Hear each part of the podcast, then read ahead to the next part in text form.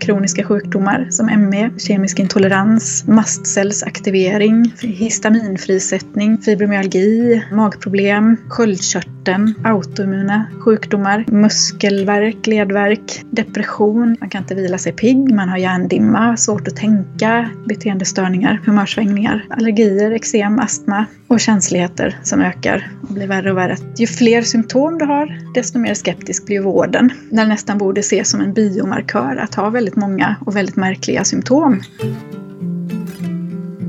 Hej och välkommen till For Health med Anna Sparre. De flesta jag möter med många eller oförklarliga symptom är drabbade av antingen fästingburna sjukdomar som borrelia eller av mögel. Är du en sån som har testat allt men inte blir bra? Lyssna på detta viktiga avsnitt om fukt och mögel. Här får du både höra Lisas egna resa från sjuk av mögel till frisk och lära dig det du behöver veta om mögel.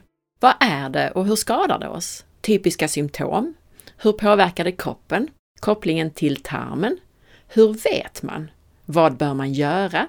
Och konkreta tips. Jag tipsar om att kod SPARRE, som normalt ger 20% på trendrehab.se, ger hela 27% rabatt på allt, inklusive nedsatta produkter, från den 20 till 27 november. Själv har jag bland annat vibbplatta, IR-madrass, jordningslakan, tyngdtäcke och massagepistol från Trendrehab. Passa på att shoppa en julklapp till dig själv eller någon du tycker om. Rabattkod SPARRE alltså. Den 24 till 25 november kan du gå grundkurs i optimumträning hos Marcus Greus. Ange koden SPARRE10 så får du rabatt när du anmäler dig på optimumacademy.com.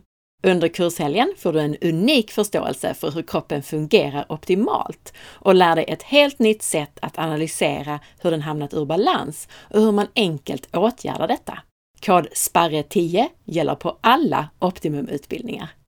På nytoteket.se får du hela 20% rabatt på allt med koden SPARRE20. Jag använder själv bland annat bärpulver, C8 och MCT-olja från Nytoteket och de har även kollagen och benbuljong. Jag finns på facebook.com forhealth.se och på Instagram som asparre. På forhealth.se hittar du mina e-böcker och du kan gå min distanskurs om du vill få grunderna kring kost, hälsa och viktnormalisering. Och så kan du boka mig som föreläsare, både online och på plats. Välkommen Lisa! Ja men tack! Jätteroligt att få ha dig med här. Ja, men jättekul att du vill prata om mitt område och hur det påverkar hälsan. Vi kan väl börja med att du berättar om vem du är för de lyssnare som inte känner till det. Jag eh, har en bakgrund i eh, innemiljö eh, och det kommer sig av att, att jag har egen erfarenhet av att ha blivit sjuk av ett fukt och mögelskadat hus eh, med hela min familj med fyra barn. Eh, vilket har lett mig in på eh, att arbeta med inomhusmiljö, skolat om mig och gör innemiljöutredningar idag. Eh, men också eh, kommit in på kosten och hur den påverkar. Eh, så att jag är också certifierad GAPS-coach som är ett näringsprotokoll för att läka tarmen. Så jag jobbar både med inomhusmiljö och med eh, näring.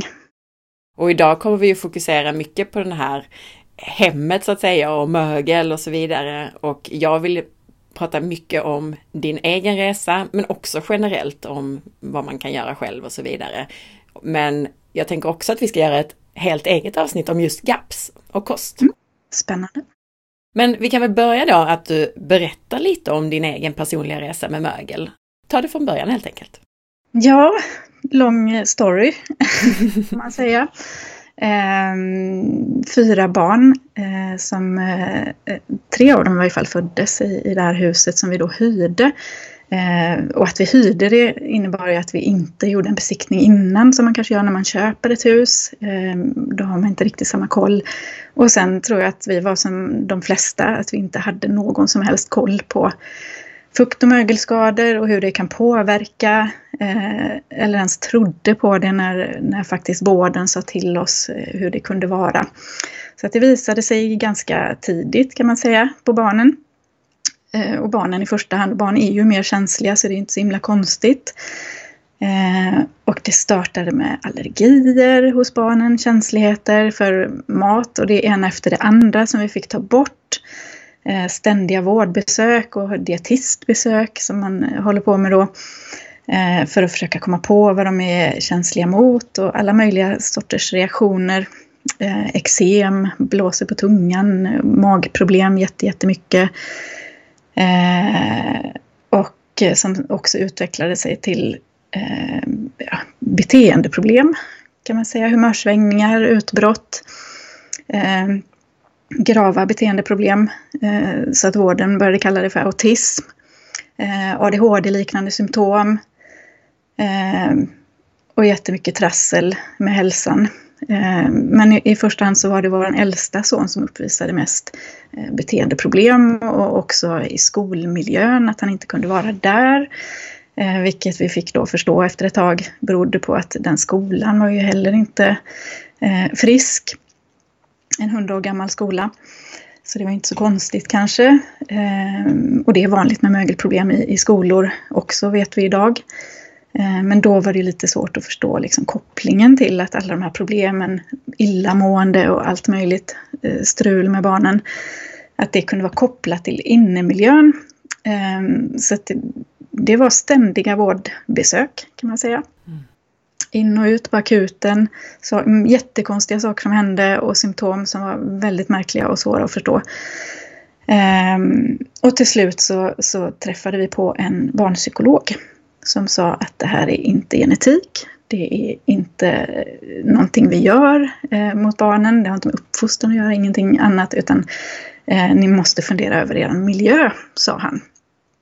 Och på så vis så kom vi också i kontakt med en barnläkarspecialist som sa samma sak. Eh, och den här läkaren sa till oss att eh, ehm, flytta ur den här miljön Eh, och han pratade klarspråk så att vi, vi förstod klart och tydligt hans budskap. Han sa, ni förgiftar era barn, sa han. Mm. Och det kanske inte, ja precis, det var ord och inga visor. Eh, och då flyttade vi ut.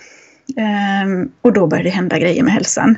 Och då vid tillfället så, så var vi väldigt fokuserade på vår äldsta son och vi tänkte att allergier hos de andra barnen och, och sånt eh, kanske inte hörde ihop med detta men det förstod vi ju snart att det gjorde. Vi tänkte att vi själva var väl inte så sjuka och om vi bara kommer ur den här miljön så ska det ordna sig och nu kommer det vända. Eh, och det var ju ett understatement kan man säga.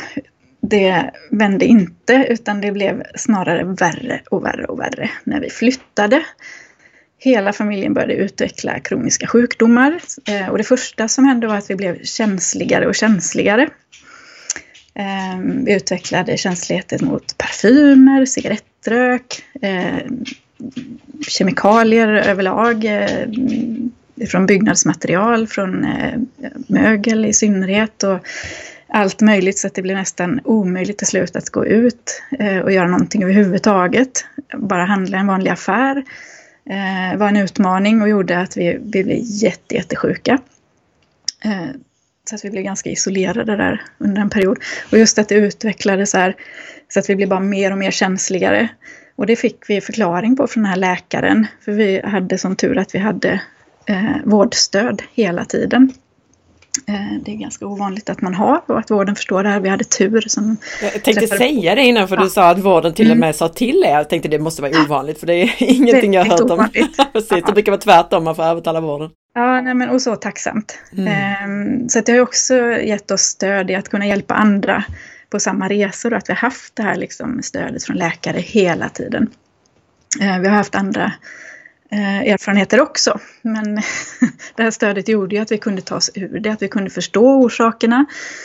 Eh, och också stödet längs vägen då när vi blev sjukare. Och då sa han att ju friskare ni blir, desto sjukare blir ni. Och det var hans förklaring då. Eh, och precis så var det. Eh, att vi blev bara sjukare och sjukare. Och det var ju en läkningsprocess, förstod vi ju efterhand. För vid något tillfälle så vände det ju naturligtvis och blev bättre och bättre istället. Men vi hann ju utveckla det som då kallas för MCS, Multiple Chemical Sensitivity, eller kemisk intolerans som man säger på svenska. Eh, ME fibromyalgi, eh, IBS. Eh, mängder av diagnoser samlade vi på oss och säkert en, en hel massa diagnoser som vi inte fick eh, diagnostiserat heller.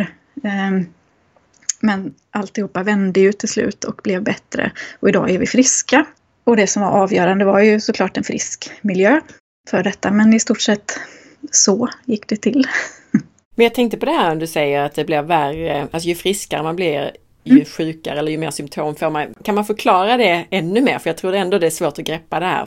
Ja, och, och det här är ju ingenting som eh, liksom är, är, forskat på eller eh, som det finns studier kring eller som läkare kan förklara eller som ens han kunde förklara utan det här var ju bara vad han erfarenhetsmässigt delade med sig och som läkare vad han hade sett för han hade det här specialintresset och i synnerhet för barn som eh, exponerades, exponerades för mögel. Um, att man blir mer och mer känslig för fler och fler saker. Däremot finns det ju studier som säger att, att eh, fukt och mögelskadade miljöer kan trigga igång sådana här känsligheter och att det är typiskt. Eh, som MCS och även ME och fibromyalgi som ju faller inom lite samma. Eh, att det är någon slags liksom överkänslighet, att systemet överreagerar. Eh, och man skulle säkert kunna förklara det här med, med att det är någon form av detox eller att kroppen börjar arbeta med att göra sig av med saker. Det är, det är lätt att jämföra till exempel med eh, en alkoholist eh, som ska eh, avgiftas. I, I de fallen så säger man ju att de avgiftas till och med. Att det är eh, en slags detox. Eh, och de upplever också samma saker ehm, med eh, man kan få feber och frossa, må illa och bli riktigt, riktigt sjuk. Och det är ju en läkningsprocess. Eh, så att det går säkert att förklara eh, på något vetenskapligt sätt också. Men de här förklaringarna finns ju inte riktigt inom vården i varje fall. En vanlig sak är ju också just det här när man utvecklar antikroppar framförallt mm. mot mögel. Då är man ju känslig efteråt. Och mögel finns ju överallt utomhus också. Mm. Så det är ju det är svårt att undvika helt menar jag. Ja, precis. Och utemöglet är ju ingenting som vi ska vara oroliga över eller som kanske utlöser sjuklighet eller känsligheter. Men däremot när man har blivit så här känslig, då kan man ju reagera så att man inte kan gå i skogen ens en gång. Och det kunde inte vi. Mm. Faktiskt. Jag tror också att jag har sett någon studie som visar på att egentligen är det ofta inte möglet i sig utan de produkter som bildas när mögel bryter ner material i hus och så vidare. Mm. Stämmer det? Mm. Vi kan gå in på det. Ja. Okej, okay, ja, vi kan, vi kan vänta lite då. Ja, precis. Men eh, det här med att man blir då värre först innan man blir ja. bättre. Hur lång är den perioden ungefär? Och det här är så olika, för en del så, så kan det lika gärna vända och så blir det bättre direkt. Mm. Ehm, så det behöver inte alls gå så här långt, det var ju bara att vi kanske bodde i någon slags rekordmögel Eh, det regnade in, tapeterna rullade ihop sig. det var ringmärken i väggar och lamporna i taket vattenfylldes och sådana saker. Okay. Så det var ganska extremt eh, i vårt fall, fick vi förstå. Hyresvärden hade målat över eh, svart mögel på väggar och sådana saker i garage och annat. Så att eh, det behöver inte alls bli så här illa och det är inte alltid så att man blir värre först. Eh, men har man den processen att det blir liksom man blir mer och mer känslig, då pratar vi år av läkning efter att man har lämnat miljön. Och sen ska du också lyckas med konststycket att hitta en frisk miljö att bo i. Eh, och det är också jättesvårt och en utmaning. Speciellt när man har blivit så känslig att det liksom ställer ännu högre krav på att, att man behöver en superfrisk miljö. Så att det är jätteolika. Hur långt var det då i ert fall som, som det tog innan det vände? Ja, och här är det lite dimmigt. eh, nej men jag vet faktiskt inte det. Vi pratar år, flera år tog det. Eh, och så var det lite olika. En del saker vände ju direkt för oss också eh, och blev bättre. Till exempel humörsvängningar, det här eh, autistiska beteendena eh, och ADHD-liknande beteendena. Där hade vi ganska snabba resultat. Eh, och mycket annat. Eh, ögon, slemhinnor, nästäppa och, och de här vanliga symptomen. Eh, men flera år tog det kanske fem, sex år att läka eh, och då tog det ett tag att utveckla de här kroniska sjukdomarna först och sen ytterligare ett par, tre, fyra, fem år att läka ME, MCS med mera. Och säga att vi bodde i huset i sex och ett halvt år så får man ju respekt för att det tar tid att läka också. Och möjligen hade vi blivit friskare snabbare om vi hade hittat rätt vad gäller kost lite snabbare. Ehm, där var vi ganska snabbt men inte direkt på så att säga. Så att för de som jag kan handleda genom protokoll, GAPS-protokollet till exempel idag, för de går det ju mycket snabbare. Just det, för möglet påverkar tarmen mycket. Mm. Och just det du säger med det här med att det blir värre innan det blir bättre och så. En del upptäcker inte ens sina symptom förrän de har flyttat ur ett sjukhus. Nej, precis. Och så förstår man ju inte, man kopplar inte heller innan man har blivit av med symptomen. Vi tänkte kanske inte på att ständiga bihåleinfektioner kunde vara, att det var, fanns orsaker i miljön. Eller utmattningssyndrom. Vi tyckte inte att vi hade några symptom som vuxna. Eh, men det var ju jättetypiska symptom, eller jättespända muskler som klämde nerver och, och blev sådana triggerpunkter som var jätteproblematiska. Värktillstånd i, i, muskler och leder, att man var stel på morgonen, fick bända upp fingrarna. Och absolut ingenting som jag kopplade ihop med innemiljön förrän i efterhand, när det försvann. Det var min nästa fråga. Du, du fokuserade mm. mycket på dina barns symptom, men detta mm. var alltså dina symptom, bihålor, leder? Ja. ja. Utmattning. Utmattning, okej. Okay. Ja, och det blev ju snabbt bättre däremot. Det försvann ju nästan direkt. Lite grann det här med hur du blev bättre, vi ska komma in på det mer, men mm. du sa, alltså flytta ut ur det sjuka huset mm. och kosten. Var det någonting mer du behövde göra? Ja, alltså vi slängde ju allting. Och eh, här kan det ju bli extremt för några och för oss blev det det och var tvunget att vara så har vi också förstått i efterhand när vi har träffat på saker som hade varit i vårt boende tidigare och fick fatt på det här i efterhand och blev jättesjuka flera år senare av små, små saker bara. En datorkabel till exempel. Oj! Eh, så att, och då fick vi liksom bekräftelsen att det var ju helt rätt att vi, just vi skulle göra oss av med allting men det behöver absolut inte alla göra. Eh, men flyttar du bara regelmässigt med dig alla möbler så eh, finns det en möjlighet att man flyttar med sig problemet också.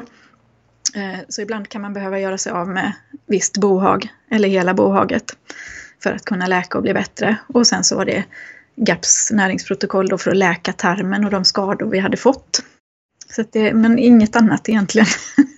Men alltså en datorkabel låter extra, jag tänker ju mer ja. så här eh, superorganiska, alltså textilier mm. och möbler och så, absolut. Men just en datorkabel som känns som att det mm. är svårt för någonting att växa på det nästan. Men det är glas, glas fick vi tillbaka åtta år senare och reagerade på.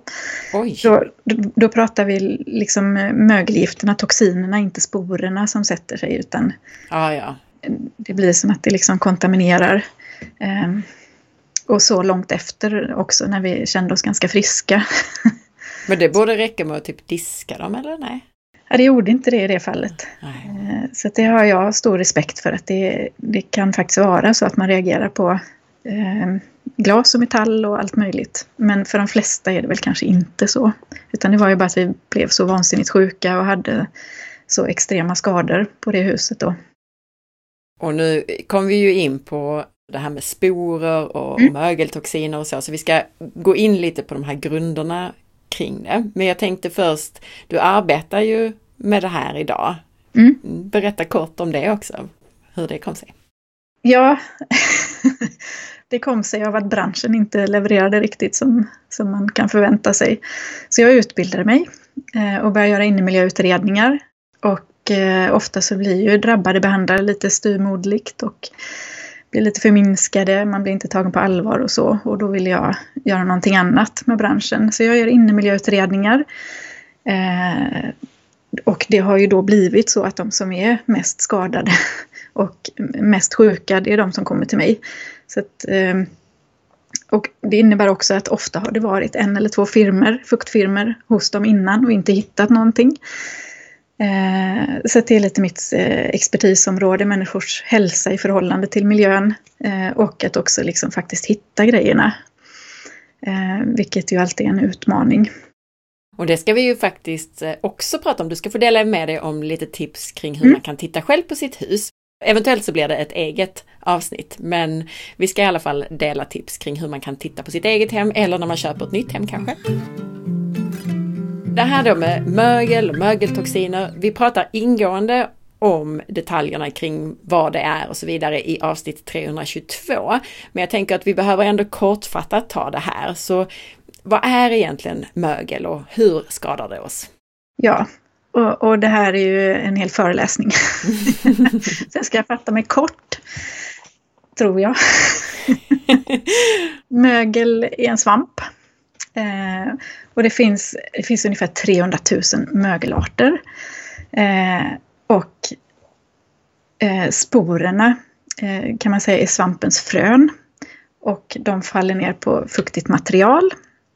Det vill säga de behöver fukt och de behöver mat. Och eh, det här materialet eh, är organiskt material som, som erbjuder sporerna Eh, mat så att säga. Då växer det ut hyfer som bildar ett nätverk som, heter, som kallas mycel. Och i det här mycelet så växer det upp små hyfer igen som bildar nya sporer och så flyger de iväg och så far de runt med luftströmmar i, i eh, bostaden och så dimper de ner på nytt fuktigt material då där det kan växa vidare och bildas nya eh, fuktskador. Eh, och sen producerar de här svamparna mögelgifter eller mykotoxiner. Och de, om, sporerna är ju små partiklar men mykotoxiner är ännu mindre partiklar. De är 400-500 gånger fler än sporerna. Eh, de är lättflyktiga och de håller sig i luften under längre tid och kan färdas längre så att säga. Ehm, och de tränger såklart också längre ner i lungorna. Och det är de här mykotoxinerna som man tror påverkar hälsan snarare än än själva sporerna. Och sen så vet vi inte allt om vad det är som gör att man blir sjuk. Mer än att det, det är ju inte vattnet. Det är ju inte en fukten eller vattnet i sig. Eh, utan vatten katalyserar kemiska emissioner i materialet. Eh, det bildas nya ämnen, så att det är inte bara mögel vi pratar om. Eh, utan de här nya ämnena eh, kan också orsaka ohälsa och att mikroorganismer växer till. Så att det som är giftigt för oss är framförallt de här eh, ska vi säga, försvarsämnena, mykotoxinerna från möglet mm. och också de, de nedbrytningsprodukter som bildas när mögel bryter ner då organiskt material i våra hus. Ja, och de här ämnena, de, eh, det handlar också om att de kan förstärka varandra. Vi pratar om cocktaileffekter, synergieffekter. Eh, och också att andas man in en partikel så kan den föra med sig andra ämnen i kroppen, endotoxiner till exempel, som kan sätta sig på en partikel och så andas man in den. Och då tror ju kroppen att det är en bakterie man får i sig, eh, vilket gör att immunförsvaret går igång som om det vore en infektion på gång. Så då får du en immunsvarsreaktion. Eh, så att istället för att spekulera i exakt vad det är som, alltså vilka ämnen det är, vilka arter det är exakt och som får vilka effekter, så brukar vi säga fuktskador istället för mögel. Så fukt eller fukt och mögelskador är det vi pratar om. Ehm, för att vi vet helt enkelt inte allt här och det, det blir omöjligt att mäta när det bildas nya ämnen. Eh, och så många olika ämnen och de samverkar på olika sätt. Jag tänkte på de här mögeltoxinerna, mykotoxinerna, de ackumuleras ju dessutom så det kan ju bli värre och värre över tid om vi fortsätter leva i det där mögliga huset. Ja, och det är massor med saker som händer eh, i kroppen också och på så många olika sätt. Vi ska komma in på tarmen bland annat mm. och du sa ju också det här just när man andas in och immunförsvaret mm. reagerar på det. Och du sa det här med era glas och de här mm. som antagligen då var mykotoxinerna som ni reagerade på. De ja. försvinner ju inte, även om man då dödar möglet så att säga, mm. så finns ju mykotoxinerna kvar, de här partiklarna. Och det lärde vi oss också där i 322 att om man ger sig på möglet och, och liksom tar bort det, då, då kan, kan de utsöndra ännu mer av det här mykotoxinerna. Ja men precis, så försöker du, det är, det, det är också detta som gör att jag tycker att branschen ibland är okunnig. Eh, för att man springer runt och sprayar mögelskadorna. Eh, vilket ju gör att man, eh, svampen vill försvara sig om du sprutar kemikalier och gifter på den. Och det gör den genom att producera mykotoxiner. Så du får en giftigare mögelhärd och du har tillsatt kemikalier till inomhusmiljön. Så det är ju liksom inte en lösning och, och det är till och med så att eh, firmor som har slipat först, försökt att slipa bort eh, mögelskadan från en träregel till exempel och sen spraya med kemikalier och sen lämnar de det så. Och så ringer kunden mig och säger att men vi är fortfarande sjuka här. och då tar jag ett materialprov Eh, inte för att jag behöver, men för att kunden och kundens försäkringsbolag behöver. Och då visar det sig att de här skadorna är kvar i, eh, med kraftig påväxt som kommentar. Eh, så att jag kan ju visa att det inte fungerar också. Och sen har jag den lilla egenheten att jag också känner av som är mögelskadad själv. Så att jag har ju ett, ett sinne till att gå på som, som eh, ger mig lite mer förstärkning så att säga när jag påkallar eller tycker att vi ska göra materialprov till exempel. Jag tänkte säga att du är som en mögelhund men jag har lärt mig mm. av dig att mögelhundar är ingen höjdare egentligen. Inte alltid, men lite så kan jag. Det är ingenting som jag kan skriva i protokollet men det, det är en hemlighet. Ja. som jag just avslöjade. Du nämnde ju en massa symptom från dina barn framför allt och från dig också. Vi kan väl gå in lite mer på det. Alltså vilka symptom är typiska när man exponeras för mögel eller mögeltoxiner? Ja, och det beror ju lite på vem man frågar. Frågar du vården så har du de så typiska slemhinneproblemen, ögon och näsa och kanske hosta och sådär. Ehm, det som, som jag kan se och har egen erfarenhet av ehm, det är att det som utmärker de här människorna som eh, är exponerade för fukt och mögelskadade miljöer, det är att de har en hel uppsjö av symptom och sjukdomar. För att man kan få symptom från kroppens alla organ, vilket ju inte är så konstigt om vi ska gå in och prata termer lite längre fram. Eh, så att ju fler symptom du har, desto mer skeptisk blir vården. Eh, och tror att man hittar på, eller att man är hypokondrisk, eller att det sitter mellan öronen. Eh, när det nästan borde ses som en biomarkör att ha väldigt många och väldigt märkliga symptom. Ehm, så att det är i stort sett allt är svaret på den frågan. Men det som kanske är vanligast, eller som jag stött, har stött på mest, är att man får diagnosen utmattningssyndrom när man har gått och sökt då för att man orkar inte arbeta till slut. Och då är det utmattningssyndrom man får eh, som diagnos. Man kan inte vila sig pigg, man har hjärndimma, svårt att tänka, mycket kognitiva symptom. Vilket såklart resulterar i att man sjukskriver sig och spenderar ännu mer tid på soffan hemma i miljön som har orsakat de här symptomen då i värsta fall. Sen så kan jag ju säga att de som, som jag sa, eh, som vänder sig till mig ofta är personer med kroniska sjukdomar som ME, eh, kemisk intolerans, eh, mastcellsaktivering, histaminfrisättning, jättetypiskt, fibromyalgi, eh, magproblem, Eh, både IBS och inflammatoriska tarmsjukdomar som eh, IBD och eh, ulcerös kolit. Sköldkörteln tar stryk såklart, autoimmuna sjukdomar muskelverk, muskelvärk, ledvärk.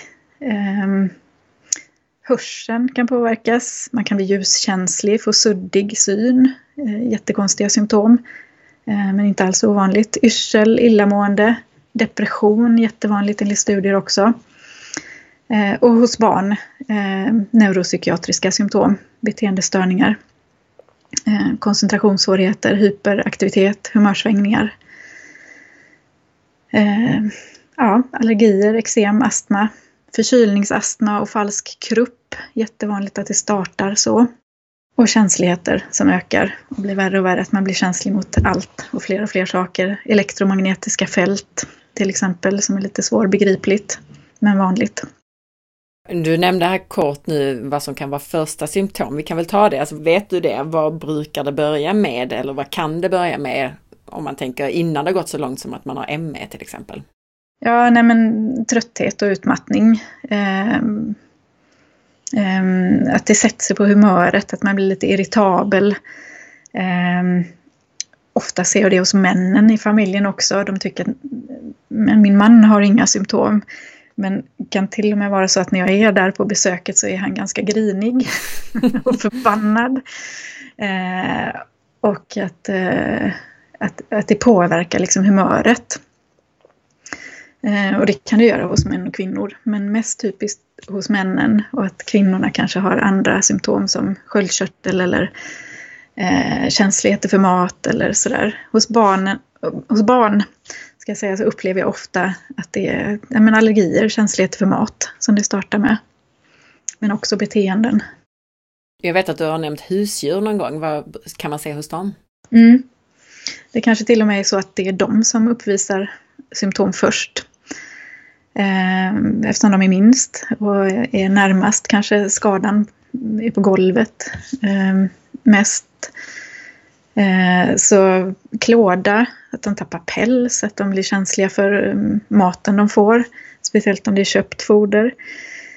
Eh, sköldkörtelproblem, inte ovanligt. Eh, jag har träffat husdjur i, i de här miljöerna som har svårt att andas. Jättesorgligt att se. Eh, eksem, jättevanligt. Eh, epileptiska eller epilepsiliknande anfall eh, har jag sett jättemånga exempel på. Du nämnde innan att det finns studier på en del sjukdomar mm. och symptom kopplat till mögel. Kan ja. vi ta det också? Vad är det som studierna visar? Nej men det söker man så hittar man ju allt. Eh, så det finns absolut kopplingar till allting. Det finns kopplingar mellan mögel och autism. Det finns kopplingar mellan mögel och eh, ME, eh, fibromyalgi, kemisk intolerans, sköldkörtelproblem, histamin, frisättning, mastcellsproblem. Depression har, har man i betydligt högre omfattning i mögelskadade hus till exempel. Ehm, och det som vården känner till är ju astma. Ehm, där finns en jättetydlig koppling. Jag vet att man pratar mycket generellt om näsblod, det var ingenting du nämnde. Mm. Ja, nej, det är också ett jättetydligt symptom. Ehm, och det är typiskt också. Hade ni näsblod i er familj? Eh, inte som jag minns. Faktiskt. Du Däremot... hade hjärndimma eller? Med tanke på att du skrattar. Ja, exakt. ja. ja. Däremot så har det ju hänt i efterhand. Eh, åren efter då när man liksom återexponerades eller var inne i dåliga miljöer att eh, barnen kunde få näsblod, absolut. Och i det här 322 som vi gjorde, mm. då pratade vi också mycket om det här med att det påverkar mitokondrier. Det kan ju förklara bland annat utmattning och så tänker jag ja. mögel påverkar det och att det påverkar hormoner vilket då kan påverka allt möjligt. Ja, allt från sömn Hormonstörande. Ja, ja men precis. Så att det är alltså typiskt att få många och konstiga symptom. Ja. Och du vet jag också brukar säga det att det, är ofta sådana som de gör allting rätt med mat och så vidare, går på behandlingar men att man ändå inte kommer vidare. Att det kan mm. också vara en sån här typisk grej. Ja, så man börjar i lite fel ände och det är ju det är inte så konstigt, det är ju helt logiskt. Mm. För att det är svårt att förstå eh, orsakssamband. Men just i de fallen då när man eh, tycker att man har gjort allting, man har ställt om kosten, man eh, äter tillskott eller man går på behandlingar som du säger. Eh, och det inte har liksom förväntad effekt, då bör man ju misstänka inomhusmiljön och kolla upp det. Och just det här som du var inne på också att man kanske reagerar i skola och så vidare mm. för att man har problem hemma, som du nämnde att din son gjorde bland annat. Ja men precis, och, och det är också min erfarenhet när folk kommer och säger att eh, mitt, jag tror att det är mögel i skolan, säger de. Ja mm. men hur har du det hemma då, frågar jag. ja men han reagerar ju bara i skolan och så blir det bättre när han kommer hem. Mm. Ja men hur bor ni och så. Och, och det är min eh, absoluta erfarenhet att det är de barnen eh, i skolmiljön som reagerar först, som också har problem hemma. För det är ju de som har blivit känsliga helt enkelt. Du sa någon gång till mig att, eh, att om man jag tänker också som en sån här grej om man, om man blev dålig i samband med covid för att man började jobba hemma. Att det är också en mm. sån där grej som man kan Aha. Ja, och det har jag ju upplevt eh, i kölvattnet av det nu då, lång tid efteråt. Att, det, att man har eh, kommit på det då, att man blir sämre liksom när man börjar jobba hemma. Eh, men det kan ju också vara motsatt då, att nu när man då sen efter eh, pandemin har gått tillbaka till arbete igen, att man får tillbaka symptom som man hade glömt av att man hade och då är det ju arbetsplatsen som är problem. Värk och utmattning av alla slag, till och med mm. så långt som MS, EFS och hjärndimma och så då. Och tarmen kommer vi till och mm. griniga män och, och multikänsliga barn och så vidare. Du har också nämnt eh, någonting med statisk elektricitet har jag för mig. Ja, eh, eller att man, får stötar. Ja. ja men precis och det listas ofta i eh, internationella sammanhang i varje fall så står det nästan alltid som ett symptom att man får eh, chockar liksom, eller stötar. Eh, och, och, det har jag också upplevt och eh, upplever att många eh, också gör. Och det kanske man heller inte kopplar ihop direkt då med inomhusmiljön men det är ett typiskt symptom. Som man väldigt lätt får stötar så då kan ju det vara ett... Vet man varför det blir så? Nej, ingen aning. Och jag har sökt på detta eftersom det listas så återkommande då. I, eh, när man läser om det. Och det som händer då det är ju att man rent logiskt vill börja använda sköljmedel. för att man tror att det är kläderna som är problemet. Och så börjar man stå på med en massa kemikalier och så är man känslig för det också. Och så får man ännu mer symptom och så förstår man inte att det beror på sköljmedlet. Sköljmedel skulle jag aldrig använda för att jag vet vilken kemikalie här mm. vad det är. Men du menar att man är känslig på grund av möglet från början så har man blivit ja. extra känslig och sen så tillsätter man det och då blir man superdålig. Ja, precis. Metallsmak har jag för mig också i munnen. Mm också en sån här sak som listas mer internationellt än i, i Sverige.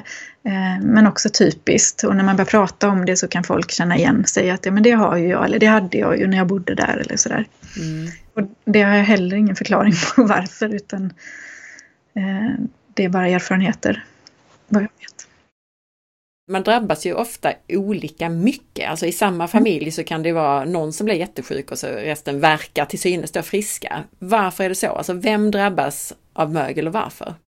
Eh, ja, och det är också en jättekomplex fråga som jag inte kan svara på egentligen. Men det jag kan säga är att ingen är immun mot mögel, för det första. Eh, däremot brukar det framhävas i sådana här sammanhang att 25 procent av alla har en särskild gen Eh, och gener kan ju alltid förklara att man drabbas på olika sätt fast man utsätts för samma sak. Eh, men det är ju inte hela sanningen och för mig är det ganska ointressant framförallt för att eh, det är potenta gifter vi pratar om och alla blir sjuka av gifter förr eller senare. Eh, så att för mig blir det mer rimligt att prata om att det handlar om en bägare som rinner över. Så att, eh, har du då en mamma i, i, familjen som har bott i mögel som barn men kanske inte blivit sjuk direkt utan börjar på en skola sen där man har eh, mögelproblem och sen kanske på en arbetsplats och sen så köper man ett hus ihop med familjen. Eh, och så har mannen i samma familj bott friskt, arbetat i en frisk miljö och haft eh, mer tur eh, med inomhusmiljön längs vägen då är det ju naturligtvis hon som kommer att trilla dit först. Eller tvärtom han, kan det lika gärna vara. Eh, barn är ju mindre, har mindre lungor, eh, mindre volym så att säga. Så att de är också mer känsliga, precis som husdjuren som vi pratade om. Eh, att de kan reagera liksom snabbare än en vuxen eh, människa av den anledningen. Eh, så det kan vara många saker som spelar in, men min upplevelse är ofta när man börjar nysta i det här då, att eh, de som är sjukast i familjen, de har exponerats på flera andra sätt. Ett barn till exempel som också går på en förskola som är fuktskadad. Ehm, och dubbelexponerar då. Ehm, plus att mannen kanske inte är hemma lika mycket.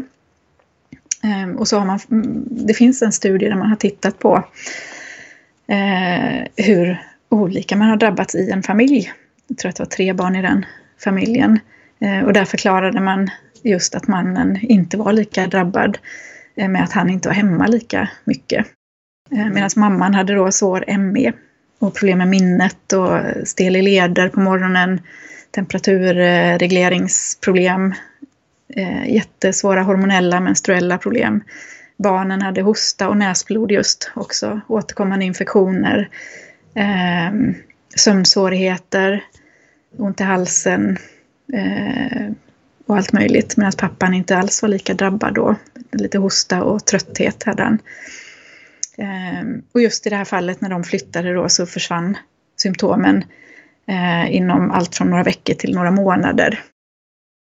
Spelar det någon roll vilken sorts mögel som man utsätts för? Alltså jag vet att du sa att ni brukar inte hänvisa till olika sorter för det kan hända så mycket, men spelar det roll vad det är för sort egentligen?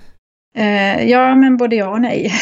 För här finns det studier som säger att ja, man kan börja med att konstatera att det inte finns någonting som heter ofarligt mögel. För så resonerar många har jag märkt, även inom vården eller och inom branschen. Att ja, men det är inget farligt mögel, så det behöver ni inte vara oroliga över. Men här har vi ju liksom, för det första så, så är det inte så, utan det finns studier som säger att de här arterna som man inte anser är farliga orsakar eh, en massa problem, ökad smärtkänslighet, ångestliknande symptom eh, och, och massor, alltså att det påverkar hjärnans funktion allvarligt. Eh, och då handlar det om att det medfödda immunförsvaret aktiveras. Och exakt vad det är som händer då, om det är det här så kallade ofarliga möglet som aktiverar immunförsvaret eller om det är andra ämnen eller en kombination, det vet vi inte heller. Eh, och sen så, så, finns det ju alltid liksom kemiska emissioner också om man blöter upp byggnadsmaterial så att det är inte bara mögel. Eh, däremot så vet vi att vissa arter har, eh, kan få vissa effekter. Eh, så att när jag gör bedömningar av inomhusmiljöer och i förhållande då till människors hälsa och de symptom som man uppvisar, de som bor där, eh, så behöver jag ju kunna lite om eh, svamparnas ekologi. För att eh, vet jag vilka svampsorter som trivs i vilka miljöer så kan jag förstå eh, skadan och hur blött det är. Och då kan man säga att eh, floran eh, förändras över tid så att uppstår det en fuktskada eh, då är det olika mögelarter som först etablerar sig eh, och som kommer sen. Eh, så först kommer de eh, första kolonisatörerna så att säga Eh, och etablera sig och ju längre det får fortgå då så kommer det komma nya grupper med svampar som behöver mera, en högre fukthalt under längre tid för att kunna utvecklas. Och de som behöver allra, allra mest fukt, ehm, eh, som en, en, grupp med svampar som Stachybotrus till exempel tillhör de som vi kallar för svartmögelarter. Eh, de, de etablerar sig sist eh, kan man säga och ser man dem då i en inomhusmiljö Ehm, ja då vet vi att det här ingår så att säga inte i normalfloran utan det växer bara om det är riktigt, riktigt blött och har varit det under väldigt lång tid. Och de vet vi orsakar eh, ohälsa och hälsobesvär i sig. Eh, men vi vet ju också att i det väldigt blöta förhållanden så, så finns det ju mängder av andra ohälsosamma ämnen också. Är det i regel alltid samma sorts mögel som drabbar hus? Eh, ja, eh, det kan variera men eh, på sätt och vis så kan man ju förenkla det och, och säga att det är så mm, Aspergillus penicillium är de här första arterna som jag pratar om som eh, koloniserar först. Eh, och sen utvecklas det och kommer andra arter men av de här 300 000 arterna så kan det naturligtvis variera. Så att när man eh, ska testa och mäta saker då, då riktar man ju in sig på dem eh, mögelsorter som man vet brukar finnas. Om man nu då misstänker att man exponeras eller har exponerats för mögel, vad bör man göra? Ja, eh, det viktigaste är att ta reda på att man bor friskt. Eh, så att man har en frisk miljö och kan eh, börja läka. Eh, och antingen så gör man då en innemiljöutredning eller så börjar man med att testa miljön med mögeltest som en första indikation. Och eh, visar det någonting då kan man ju gå vidare och göra en utredning då för att ta reda på var problemen finns. Och när du säger då testa, vad är ett mögeltest för någonting? Ja, det finns ju en hel uppsjö av tester också. Um, och det som är mest tillförlitligt är ju ett materialprov. Det, det, är ju exakt och man ser precis vad man har för någonting. Men det kräver ju att man har hittat skadan och kan ta eh, en bit eh, av materialet som, som det är påväxt på. Då kan du ju se exakt vad du har där. Så det är inte så jättevanligt att jag gör för att har jag väl hittat skadan då vill jag ju bara ta bort den. Så det finns ingen anledning att testa. Däremot så jobbar jag med DNA-tester. Där man tar damm i huset eh, där sporerna då har trillat ner. Eh, och så tittar man på dem eh, på labbet. Eh, och sen så hjälper jag till att tolka det provsvaret då för tester behöver alltid prov, eh, tolkning. Eh, så att man förstår vad det är man ser och inte liksom tolkar det som att det här såg ju bra ut fast det kanske inte gör det. Och materialprover, då menar du alltså att man tar, man tar typ trä till exempel och sen mm. så odlar man då, eller gips eller så? Ja, då tittar man i mikroskop och ser precis eh, vad man har att göra med. Eh, men det är som sagt det, eh, det fallet som jag nämnde innan där jag behöver visa för den eh, fuktfirman som var där innan mig att där har ni inte gjort rätt, problemen finns kvar, då kan jag behöva ta ett materialprov. Och också för försäkringsbolaget så att inte försäkringsbolaget betalar för en åtgärd som inte mm, lyckades. Men ur min aspekt så behöver jag ju sällan ta materialprov utan hittar jag skador så tar jag bort dem med, med god marginal så att säga.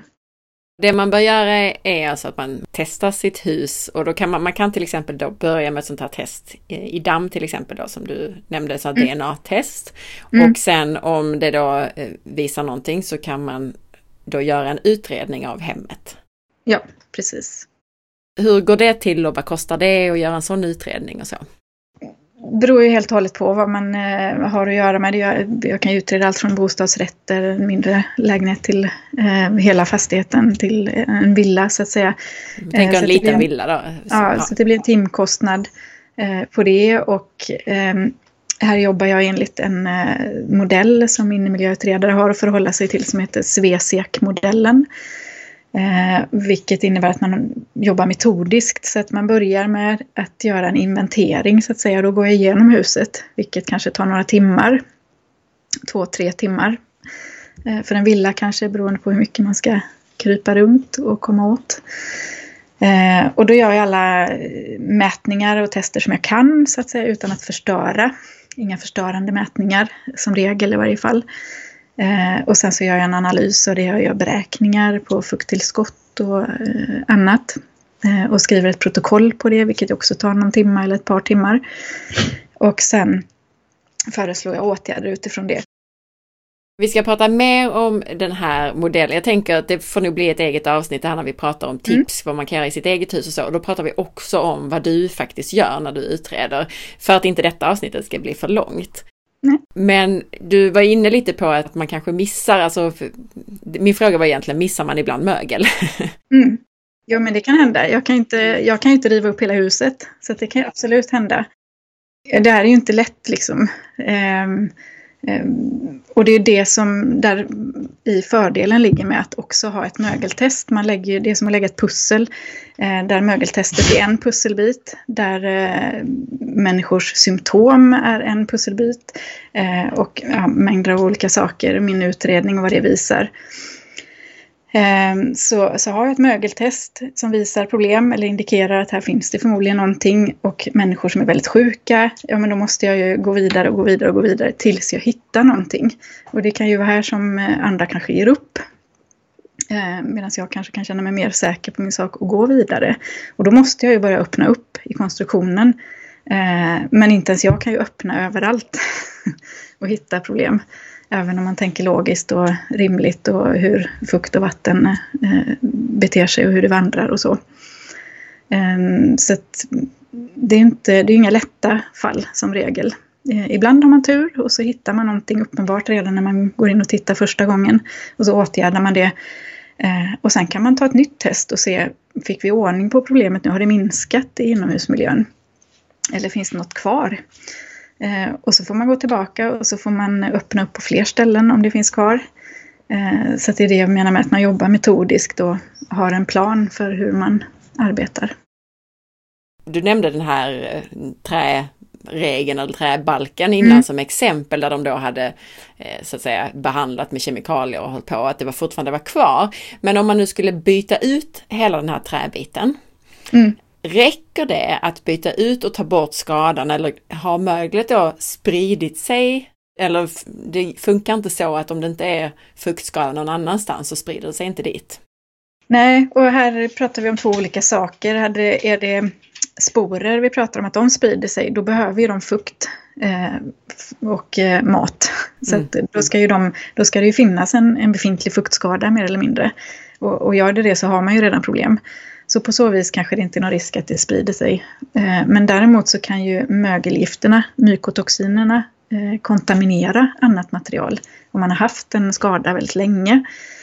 Eh, och det är ju det jag menar med att en del får kasta sitt bohag. För soffan kan vara kontaminerad, eller sängen eller madrassen. Och då reagerar man på det fast man har tagit bort orsaken.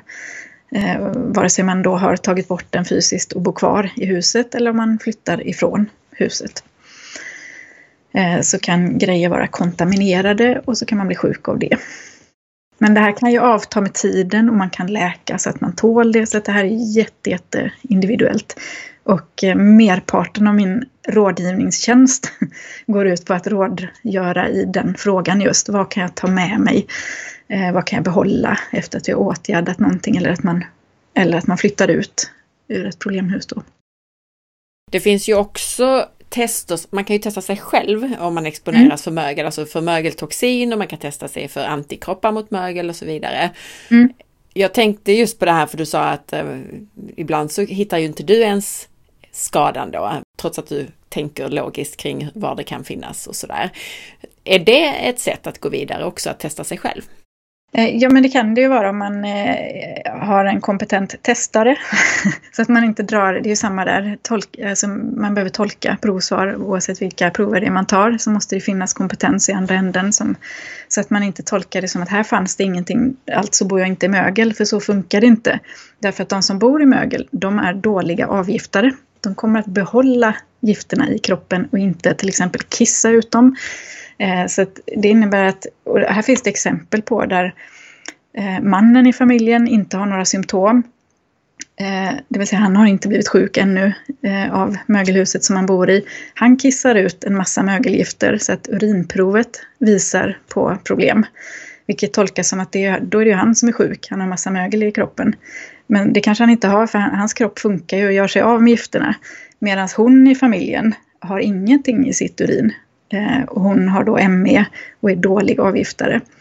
Så att hon är ju supersjuk, men hon eh, lagrar ju sina eh, gifter i, kroppen då. Så att kroppen kan inte liksom ta hand om dem och föra ut dem i kroppen som, som man brukar göra. Man svettas ut och man kissar ut och massa annat. Jag drar direkt en parallell till när jag har pratat lite autism mm. till exempel så är det ju ofta så att personer med autism har en dålig avgiftning. Så att ja. man tittar till exempel på tungmetaller i, i hår mm. eller så. Då är det ju ofta så, det är ju visat i studier också, att man, man ser inte det i, i håret. Utan Nej. det är för att de är dåliga då på att göra sig av med det. Precis så. Och, och där är också jättetypiskt att de barnen, man, man tittar på metaller och funderar på hur, hur hamnar alla de här metallerna hos det här barnet. Mm. Eh, men då kan det ju vara så att de faktiskt bor i ett sjukt hus som, gör att, som är orsaken till att de är dåliga avgifter och sen samlar de på sig allt möjligt. Eh, så att, eh, och där kan man fastna lite i att man försöker hitta orsaken till metallförgiftningen då eller att man samlar på sig allt det. Eh, när orsaken kanske är att de bor i mögel. Mm. Och när de börjar fungera då, avgifta tarmen börjar fungera, eh, ja men då tar de hand om de här metallerna och, och får ut dem ur kroppen. Om det då sen bevisas att man har mögel i sitt hus eh, eller någon annanstans, med, jag tänker bilar och skolor och så vidare. Men vi börjar med hemmet, jag tror det är det vanligaste då. Hur går man vidare? Ja, antingen så får man ju eh, hitta problemen och åtgärda, eller så får man flytta. Eh, och det är också jätteolika. Eh, så att även i de fall där vi har lyckats hitta problem och åtgärdat korrekt så kan det bli så att familjen bestämmer sig för att flytta ändå. För att man reagerar helt enkelt för mycket eh, på det som är kontaminerat så att säga. Så det är jätteolika också. Man kan inte säga att alla måste flytta, alla måste slänga saker eller så. Men eh, det är viktigt att få en frisk miljö. För det var ju en fråga, räcker det att åtgärda eller kan man behöva flytta? Men du svarar på det egentligen att det kan räcka ja. med att åtgärda men är man tillräckligt dålig så, så kan man också behöva flytta. Ja, och här är min roll lite dubbel eftersom jag är fukttekniker och innemiljöutredare så, så kan jag ju tycka att huset går ju alltid att åtgärda. Men om det är tillräckligt för den personen som har blivit sjuk av just det huset så är det ju inte alltid. Och det här berättar till och med Folkhälsomyndigheten som har en seminarieserie och, och pratar till miljöinspektörer och andra att det är inte alla som kan bo kvar ens om du har lyckats åtgärda skadan korrekt. Och det har att göra med de här toxinerna som har bildats eller? För att möglet kan man då ha fått bort och, och fuktskadan. Ja, men, ja, men precis. Mm. Okej, vi upptäcker då i huset att det finns mögel, vi hittar skadan. Vad gör vi då? Alltså jag tänker så här medan man åtgärdar det till exempel. Ska man flytta under tiden eller hur gör man? Ja, också jätteolika beroende på hur känslig man har blivit, eh, beroende på vad vi pratar för typ av skada. Eh, man kan avskärma i, i många fall. Så, eh, så kan man avskärma och bo kvar. Eh, är det hela köket som behöver åtgärdas eh, så kanske det är praktiskt omöjligt att bo kvar. Eh, och att det liksom är praktiskt att flytta av den anledningen. Men annars så, så är det praktiskt möjligt som regel att avskärma. och då sätter man plast. Det finns en dragkedjedörrar med, i plast som man kan sätta i dörröppningar och man kan bygga ett regelverk av med plast runt och så undertrycksätter man det så att luften vandrar eh, åt andra hållet, så att inte in i bostaden utan eh, utåt så att säga. Så att man inte sprider eh, skadan. Och så ska man ju arbeta oavsett om det bor folk där under tiden eller inte. Eh, men är man superkänslig och vi pratar de här eh, jättekänsliga ME-personerna till exempel, MCS, eh, då kan det vara lämpligt att flytta ut om det är stora skador vi pratar om. Ehm, men just i de fallen så, så kanske inte oddsen är jättebra för att få till en bra inomhusmiljö heller. Eh, men jag har sett goda exempel på det också. Och du sa någon gång att ställ en friggebod på tomten så att du slipper sova i det. Ja, där landar ju många. Husvagn har jag också jättemånga exempel av. Får hoppas att det, att det inte är mitt i vintern då. Tält också. Åh oh, gud ja. Så vara ute i sovsäck på altanen. Det finns massa lösningar. Gör de det mitt i vintern eller? Det händer. Mm. Mm. Aha, okay. Vi ska komma till själva tarmen, men generellt också, bör man behandla sig på något vis eller räcker det med att bli av med källan till exponeringen? Ja, här är det också jätteolika. Mm. Ehm, en del läker ju och blir friska utan problem bara man tar bort orsaken.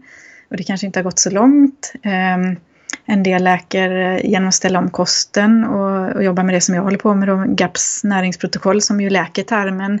Och i det ingår ju liksom detox, detoxprotokoll eh, och att kroppen ges liksom rätt möjligheter och förutsättningar att göra det som kroppen är liksom skapt för att göra, nämligen ta hand om gifter som den utsätts för.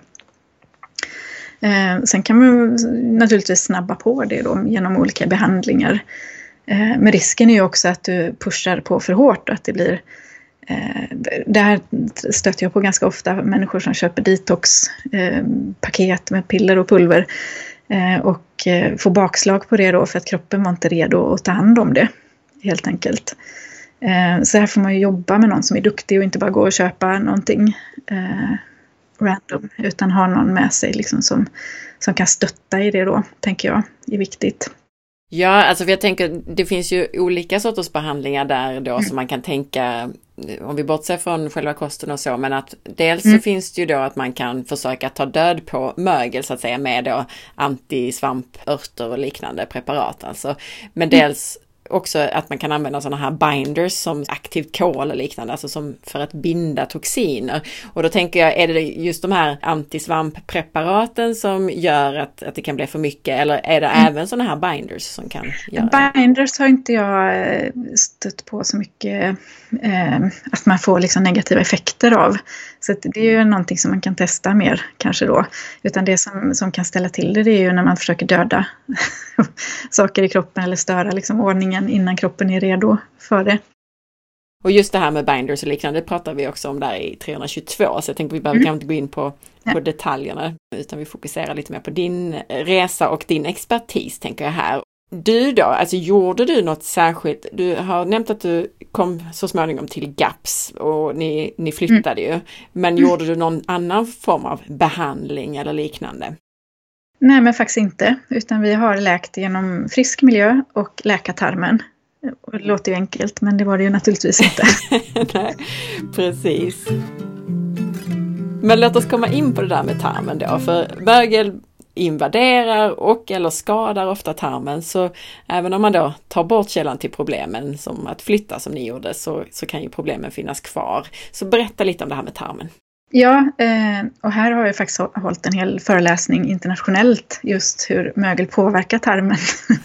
Så jag kan lista några studier för att det är ganska intressant att liksom veta att här finns det rätt mycket forskning. Mm. Och alla sjukdomar startar ju liksom i tarmen, det är sedan gammalt. Hippokrates och allt det där. Ehm, så att, och det är väl därför vi ser en sån myriad av symptom och sjukdomar hos de här patienterna.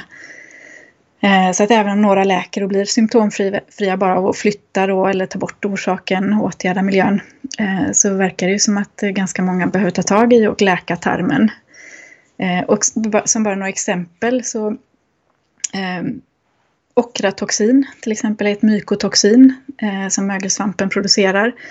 Eh, har man sett i studier minskar mängden lactobacillus, eller mjölksyrabakterier, och bifidobakterier. Eh, och de här två bakterierna finns det mängder av forskning på hur de påverkar hälsan. Eh, och man vet också då att de minskar tarmens produktion av de kortkedjiga fettsyrorna. Som jag vet att du har skrivit en del om också, smörsyra till exempel, som är så viktig för hälsan och i synnerhet tarmslemhinnan vilket leder till sämre immunförsvar. Och det här har man sett i studier. Eh, Likadant så kan mykotoxin göra att de dåliga eh, patogenerna kan växa till sig. Eh, okratoxin återigen. Så, och bara av att man andas in det då, inte att man äter det. Utan man andas in det och bakterier som stafylokocker och listeria har man sett att de växer till sig. Eh, och just stafylokockinfektioner tycker jag man ofta stöter på i de här sammanhangen, att folk har problem med och liksom inte verkar bli av med. E. coli som orsakar eh, diarré, urinvägsinfektioner och infektioner i blodsystemet har man sett tar över. Eh, en del mykotoxiner eh, verkar strula till det för ett protein som binder samman epitelcellerna, de som eh, bildar det här sammanhängande skiktet, eller epitelet som utgör gränser mellan olika organ och kroppsdelar som ingår i slemhinnor och huden bland annat. Eh, de blir mer sårbara, vilket ju inte är bra. Det är en del av vårt skydd. Ehm, och framförallt i tarmen. Ehm, och man har också sett att det här skyddande slemmet i tarmslemhinnan, eh, produktionen av det minskar när man utsätts för mykotoxiner. Eh, cytokinet interleukin 8 eh, som har som funktion att avlägsna dåliga patogener, det minskar, vilket gör att vi får ett sämre försvar. Eh, och mykotoxiner skadar tarmluddet. Eh, och tarmluddet är det här veckade som bildar fingerliknande eh, projektiler som gör att man får st större yta för att ta upp näringsämnen. Så det är ju inte så himla käckt då för det leder till näringsbrister när man inte kan ta upp näringen. Eh, och det finns ett mykotoxin som blockerar näringstransporteringen i tarmarna vilket leder till SIBO som också är jättevanligt eh, i alla möjliga olika hälsosammanhang. Men jag ser det ofta i mögelhus. Eh, och det finns en studie till och med som säger att innan man ens överväger att behandla parasitinfektioner, vilket ju många hälsomänniskor eh, håller på med, behandla parasiter, så bör man adressera mykotoxinexponering. Alltså kolla miljön så att man inte utsätts för mögelgifter också, för att det blir omöjligt att behandla då. Så först behöver man ta bort eh, exponering och sen kan man behandla möjligen då. Eh, så det var några studier eh, som liksom pekar på hur liksom tarmen påverkas. Och sen kan man ju tänka vidare själv för att det, jättemycket modern forskning pekar ju på koppling mellan tarmen idag och olika hälsoproblem. Ja, och jag tänkte säga det, alltså just de sakerna du kommer in på där med hur det mm. påverkar tarmen vi pratar ju om läckande tarm och, och mm. tarmflora och så vidare i, i väldigt många avsnitt men framförallt nu i ett som vi gjorde ganska nyligen här i 341. Så jag tänker då kan man lyssna vidare där. Så, så hör man lite mer om följderna då av allt det här som du sa. Ja precis, för att de här studierna säger ju kort och gott att mögel orsakar läckande tarm. Mm. Du nämnde ju okratoxin och det mm. kan vi ju bara kort nämna att det är ju ett av de vanligare mykotoxinerna som bildas vid just fuktproblematik i hem. Mm. För det var mycket som var relaterat till just okratoxin. Eh, ja. Som du nämnde. Mm. Nu beskrev du ju hur mögel påverkar tarmen och tarmfloran. Mm. Hur kan man då komma åt de här besvären? Då får man ju ta bort exponeringen som nummer ett. Så att man inte liksom håller på och gör en sak och så motverkar möglet eh, och jobbar emot hela tiden. Och sen är det ju, läker du tarmen så ja, men då, då tillför du ju ämnen som bygger upp tarmfloran, tillför goda bakterier, eh, läker tarmslemhinnan, bygger upp tarmluddet och epitelet. Eh, så det kommer ju att rätta till sig. Eh, när du har läkt liksom tarmen, ja, då tar du upp näring igen eh, och du balanserar tarmen. Eh, överväxten av dåliga patogener eh, balanseras så att du får goda bakterier istället som hanterar de dåliga och så vidare. Och hur var det i ditt fall här? Eh, ja, det, nej, men så gjorde vi. Mm, ja, så gjorde ni, ja. Okej, okay. det, det, var så det var i ditt fall. vi tog bort eh, orsaken och sen så läkte vi tarmen, vilket mm. ju tar tid naturligtvis. Eh, och i synnerhet om man har sådana enorma känsligheter som våra barn hade då, att de kaskadkräktes av en droppe äggula som ingår i, i det här GAPS-protokollet eh, ganska tidigt. Eh, och att vi fick jobba liksom alla de här känsligheterna för allting då. Precis, för du sa ju att ni använde er av GAPS. Gjorde ni då någonting mer med tanke på att de inte ens kunde tåla den här äggulan? Nej, utan vi jobbade, man får jobba på liksom metodiskt och så får man testa och så funkar det inte och så väntar man och så får man testa igen och helt plötsligt fungerar det. Och det, det är magiskt när man har liksom upplevt det här och att de har fått så in, alltså extrema reaktioner på så liten mängd. Eh, och helt plötsligt funkar det och så kan man börja öka. Och när du börjar lägga till saker och de tål inte mjölk eh, och det ingår i fermenterade mjölkprodukter. Och så fort du kan börja lägga till kefir då till exempel, som det också finns en hel uppsjö av studier på eh, hur läkande det är eh, och bra för hälsan, ja men då kommer ju det liksom att hjälpa till med och så tar det ytterligare liksom steg eller skutt i eh, hälsoresan då framåt. Eh, så att eh, det är en upplevelse när man går igenom det här och kan börja lägga till saker som hjälper till med läkningen ännu mer. Det kommer ett specifikt podcastavsnitt även om GAPS, så håll utkik. Men för den som då inte vet alls vad GAPS är, kan vi bara kortfattat förklara vad det är? Ja, men det är ett tarmläkande protokoll. Ehm, och många landar där just när det gäller de här typen av påverkan på tarmen. Eh, så att det skiljer sig från andra eh, dieter och sätt att äta på, koster. Eh, på så vis att det är läkande. Man undviker inte bara sånt som triggar och ger symptom som ger histaminfrisättning eller annat. Eh, utan man läker så att man inte längre har histaminfrisättning eller reagerar på det viset eller att man inte längre reagerar på ägg eller kemikalier eller mögel eller så. Eh, så att man det går ut på att läka tarmen.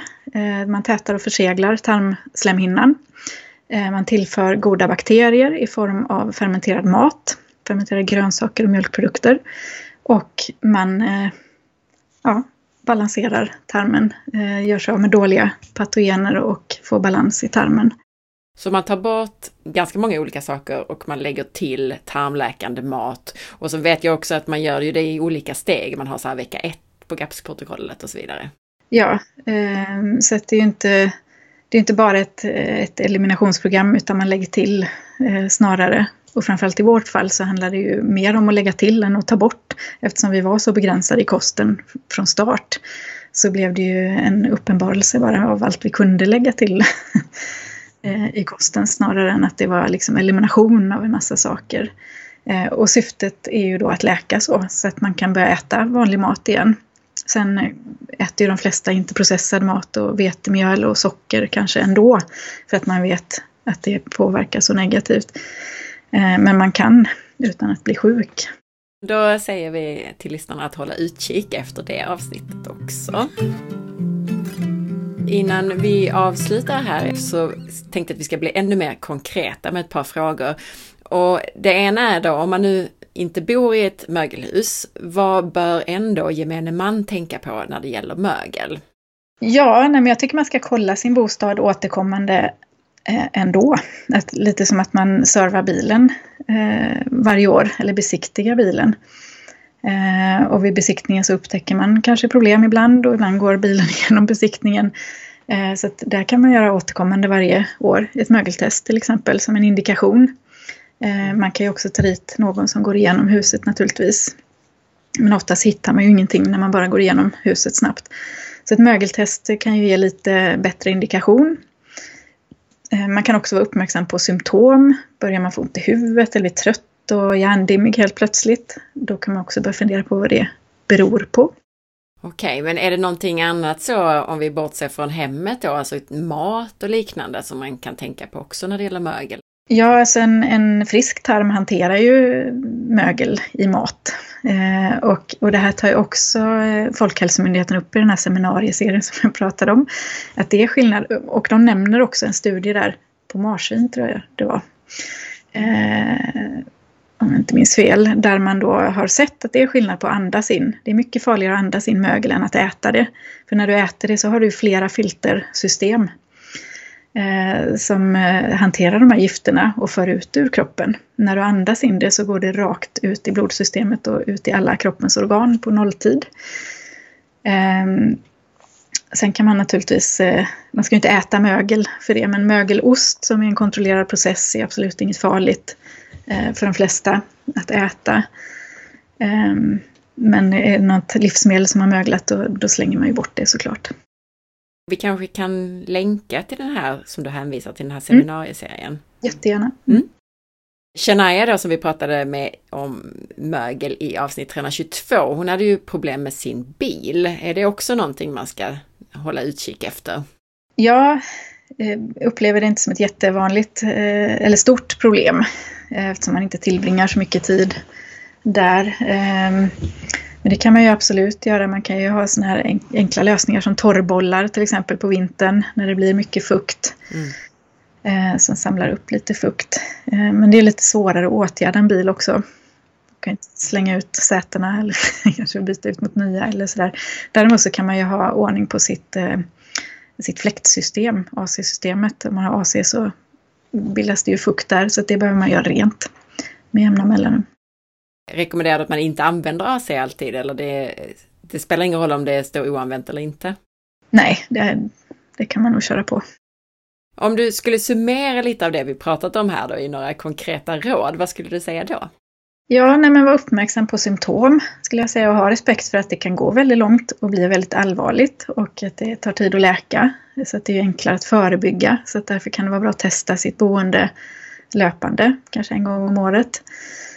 Um, och sen så behöver man, eh, alltså det är alltid svårt när man pratar i sådana här sammanhang att få balans då. För å ena sidan så har vi ju kanske vården och, och, branschen som förminskar problem och de allvarliga effekter som mögel kan få. Å andra sidan så har vi drabbade som, som lätt kan överdriva åt andra hållet och bli rädda eller hysteriska över svarta prickar i kakelfogar eller sådär. Och det är inte farligt. Eh, och det är ofta så att det är inte det vi ser som är problem utan det är det vi inte ser. Och det blir inte så många hysteriska över. och därför så är det, kan det vara bra att testa återkommande. Men koll på symptom och eh, förebygga. Och vad är då de allra första symptomen eh, som du tycker man ska vara extra vi listade ju en hel lista innan, ja. men är det några särskilda så som vi kan påminna om som kan vara de första symptomen man kan hålla utkik efter? Ja, nej, men trötthet, utmattning och lite svårt att tänka, man känner sig lite trögare. Eller att man är lite stel i leder på morgonen. kan vara ett symptom. Och börjar det bli så här känsligheter då har det gått lite längre. Men ofta så tar vi det ju ganska långt innan vi liksom vill ta till oss av att här kan det finnas orsaker. Och hur lång tid brukar det ta innan man börjar utveckla symptom generellt? Ja, och, här pratar vi ju om den här bägaren. Hur fylld är den från början? För någon som har kommer från ett mögelboende och, jobbar på en mögelarbetsplats och, och, så köper man ett hus och flyttar in i. Den personen kanske tippar över direkt. Medan eh, den andra personen som inte har den bakgrunden då kan det ta flera år om man ens visar något. Eh, och genetiken spelar in och vad man äter, kost och hur man jobbar med hälsa i övrigt. Ja, men vi rekommenderar alla lyssnare att lyssna på våra kommande avsnitt med dig, där vi då först och främst kommer att prata om lite mer om det här med utredning och framförallt då vad man kan göra själv, vad man själv, hur man själv kan undersöka och titta lite hemma och även om allt inte är enkelt så finns det ju vissa enkla saker som man kan göra själv och också som man kan använda sig av där hemma sådana saker som man kanske glömmer som att stänga badrumsdörren till ett fuktigt badrum eller använda köksfläkten och sådär. Alltså sådana tips, konkreta mm. tips, men också vad du faktiskt gör eh, lite mer under en utredning och, och, hur man själv kan då knacka kakel och liknande när man ska köpa hus. Så håll utkik efter ett sådant avsnitt. Innan då vi slutar, var hittar man dig? Då hittar man mig på eh, hemsidan som heter Innemiljö och hälsa i ett ord utan prickar och punkt .nu. Eller så hittar man mig på Facebook och Instagram på att innemiljohalsa. Lyssna även på nästa avsnitt där du får superkonkreta och praktiska tips för ditt hem, hur du undviker mögel i hemmet och även vad du ska tänka på då vid husköp. Och där pratar vi också om hur det fungerar och varför det bildas mögel i hus. Tusen tack Lisa för att du delar med dig både av din egen resa och eh, all din kunskap. Ja men tack själv! För att testa dig själv mot mögel så hittar du tester under hälsotester på forhealth.se. Lyssna nu även på avsnitt 322 med Dr. Shania Sieber på det här temat. Och tänk också på att det finns avsnitt om det mesta annat som vi har tagit upp här. Till exempel kan du lyssna om ME och CSF i avsnitt 314. Supersymbiotics kosttillskott är en blandning av probiotiska bakterier och kostfibrer där fibrerna fungerar som matsäck till bakterierna på deras väg ner till tarmen. Om det och mycket annat lär du dig i podcastavsnitt 320. Supersymbiotics har skapats av professor Stig Bengmark och är baserade på 20 år av kliniska studier. Koden SPARRE10 ger 10% rabatt på Synbiotic om du beställer det på supersymbiotics.se. Jag hoppas att du gillade avsnittet. Dela med dig av det så att fler får ta del av det. Är du ny med att lyssna på podcasten? Missa då inte avsnitt 300 som heter Börja här och som guidar dig rätt. Veckans recension i podcastappar är från Annika Bäck som skriver Anna, du är fortsatt otroligt engagerad och strålande på att förmedla så mycket fördjupad ny kunskap. Och tack nu för avsnitt 341 om läckande tarm.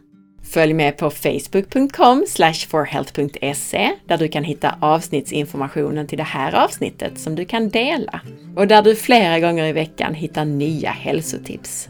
Följ också mig på Instagram via asparre och titta in på bloggen på forhealth.se.